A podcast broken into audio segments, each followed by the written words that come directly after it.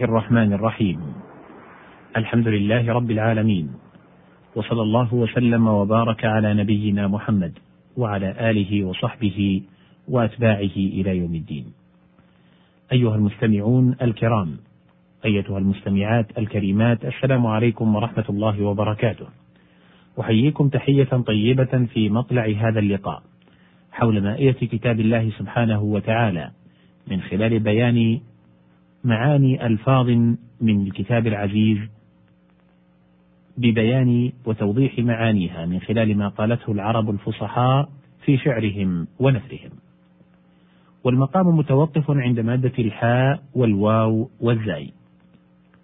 قال تعالى في سورة الأنفال أو متحيزا إلى فئة، أي منضما إلى جماعة أخرى من حازه يحوزه حوزا، أي ضمه واستولى عليه. وقيل معناه صار إلى حيز فئة والحيز الناحية. وحمى حوزة الإسلام أي ناحيته. وقيل الحيز كل جمع منضم بعضه إلى بعض. وأصل متحيز متحيز فوزنه متفيعل لا متفاعل إذ لو كان كذلك لقيل متحوز. وتحوزت الحية وتحيزت أي اجتمعت وتلوت. والأحوزي الذي حمى حوزته مشمرا. الحاء والواو والطاء.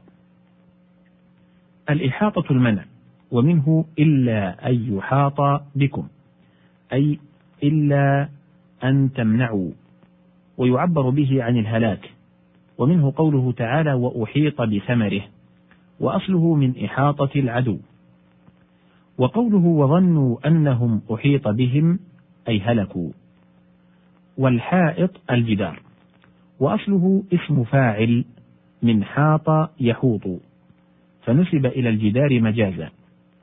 وقوله عذاب يوم محيط. قيل هو يوم القيامة. لأنه يجمع العالم كله. لقوله تعالى ذلك يوم مجموع له الناس. وأصل محيط محوط. فأعل إعلال مقيم. الحاء والواو واللام. قوله تعالى في سورة الكهف لا يبغون عنها حولا قيل تحولا وتحويلا أي لا يطلبون عنها زوالا. يقال حال عن مكانه حولا أي عاد عودا. وقيل الحول الحيلة. قال الهروي فهو على هذا الوجه أي لا يحتالون منزلا عنها ونهى أن يستنجى بعظم حائل أي متغير. وإذا أتى عليه حول قيل محيل. والحال الطين الأسود المتغير ومنه حديث جبريل أخذ من حال البحر. والحال لما يختص به الإنسان وغيره من أموره المتغيرة في نفسه وجسمه وقنيانه. وحالت الناقة تحول حيالا إذا لم تحمل لتغير عادتها. والحول السنة. اعتبارا بانقلابها ودورانها ودوران الشمس في مطالعها ومغاربها. وحالت السنة تحول حولا فالحول في الأصل مصدر. وحالت الدار تغيرت وأحالت أي مضى عليها حول. نحو أعامت وأشهرت. وأحال بمكان كذا أقام به حولا. والمحول من أتى عليه الحول من الأطفال وغيرهم.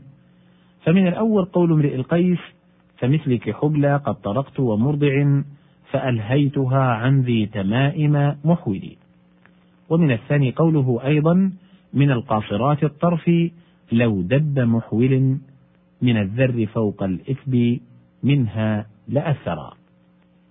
والحول ما للإنسان من القوة في حاله ومنه لا حول ولا قوة إلا بالله. وقيل الحول الحركة وحال الشخص أي تحرك قال أبو الهيثم فالمعنى لا حركة ولا استطاعة إلا بمشيئة الله.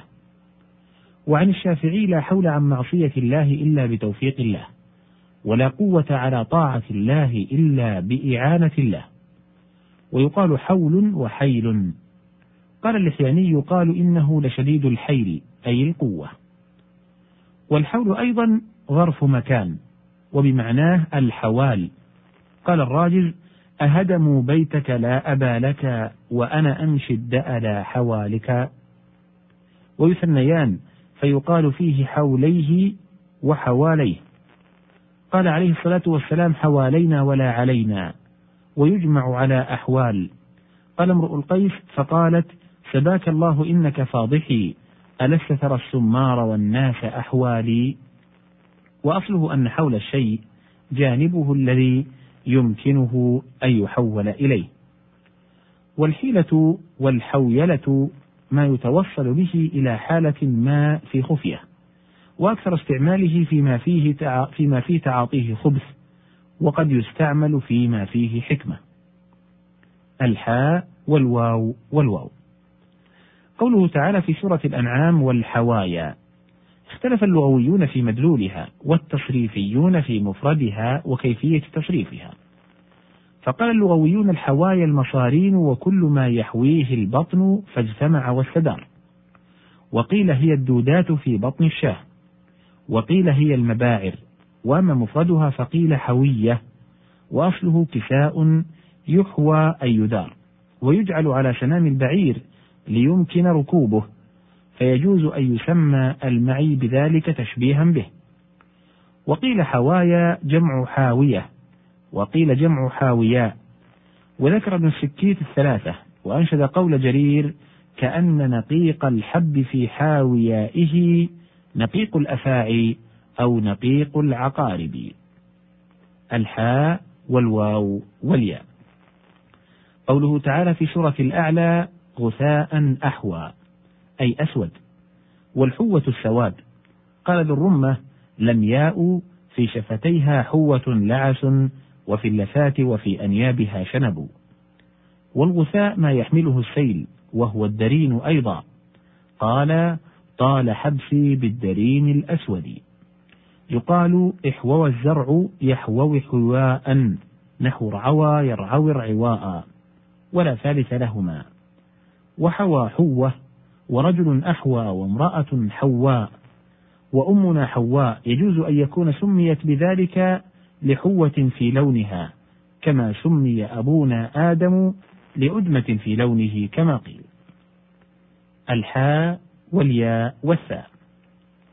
حيث ظرف مكان لا يتصرف غالبا ويجر بمن كقوله من حيث أمركم الله وهو لازم الإضافة إلى الجملة الاسمية والفعلية. وإضافته للمفرد نادر في قولهم أما ترى حيث سهيل طالعا. أو في ضرورة كقوله ونطعنهم حيث الحبى بعد ضربهم ببيض المواضي حيث لي العمائم. ولوجوب إضافتها للجملة كان فتح أن بعدها خطأ. وذكر بعضهم أنها تكون للتعليل كما يكون له من ظروف الزمان إذ. ذكر الأخفش أنها تكون زمانا وأنشد قول طرفه للفتى عقل يعيش به حيث تهدي ساقه قدمه. الحاء والياء والدال. قوله تعالى في سورة قاف ذلك ما كنت منه تحيد أي تميل. حاد عنه يحيد حيدا وحيدا قال الراجز قلت وفيها حيدة وذعر عوذ بربي منكم وحجر. فالحيد العدول عن الشيء والنفرة منه. الحاء والياء والراء. قوله تعالى في سورة الأنعام حيران. الحائر والحيران الذي لا يهتدي لأمره وهو المتردد الفكر المتشعب الرأي. يقال منه حار يحار فهو حائر وحيران. والحائر الموضع الذي يتحير فيه الماء وهو أن يمتلئ حتى يرى في ذاته حيرة. قال الهروي وبه سمي الماء الذي لا منفذ له حائرا والجمع حوران والظاهر أن الحائر مكان الماء لا نفس الماء. كقول كعب ابن جعيل صعدة نابتة في حائر أينما الريح تميلها تمل هنا تنتهي هذه المادة وبه نتوقف عندها على أمل بلقاء مقبل إن شاء الله تعالى ذلك. أستودعكم الله والسلام عليكم ورحمة الله وبركاته.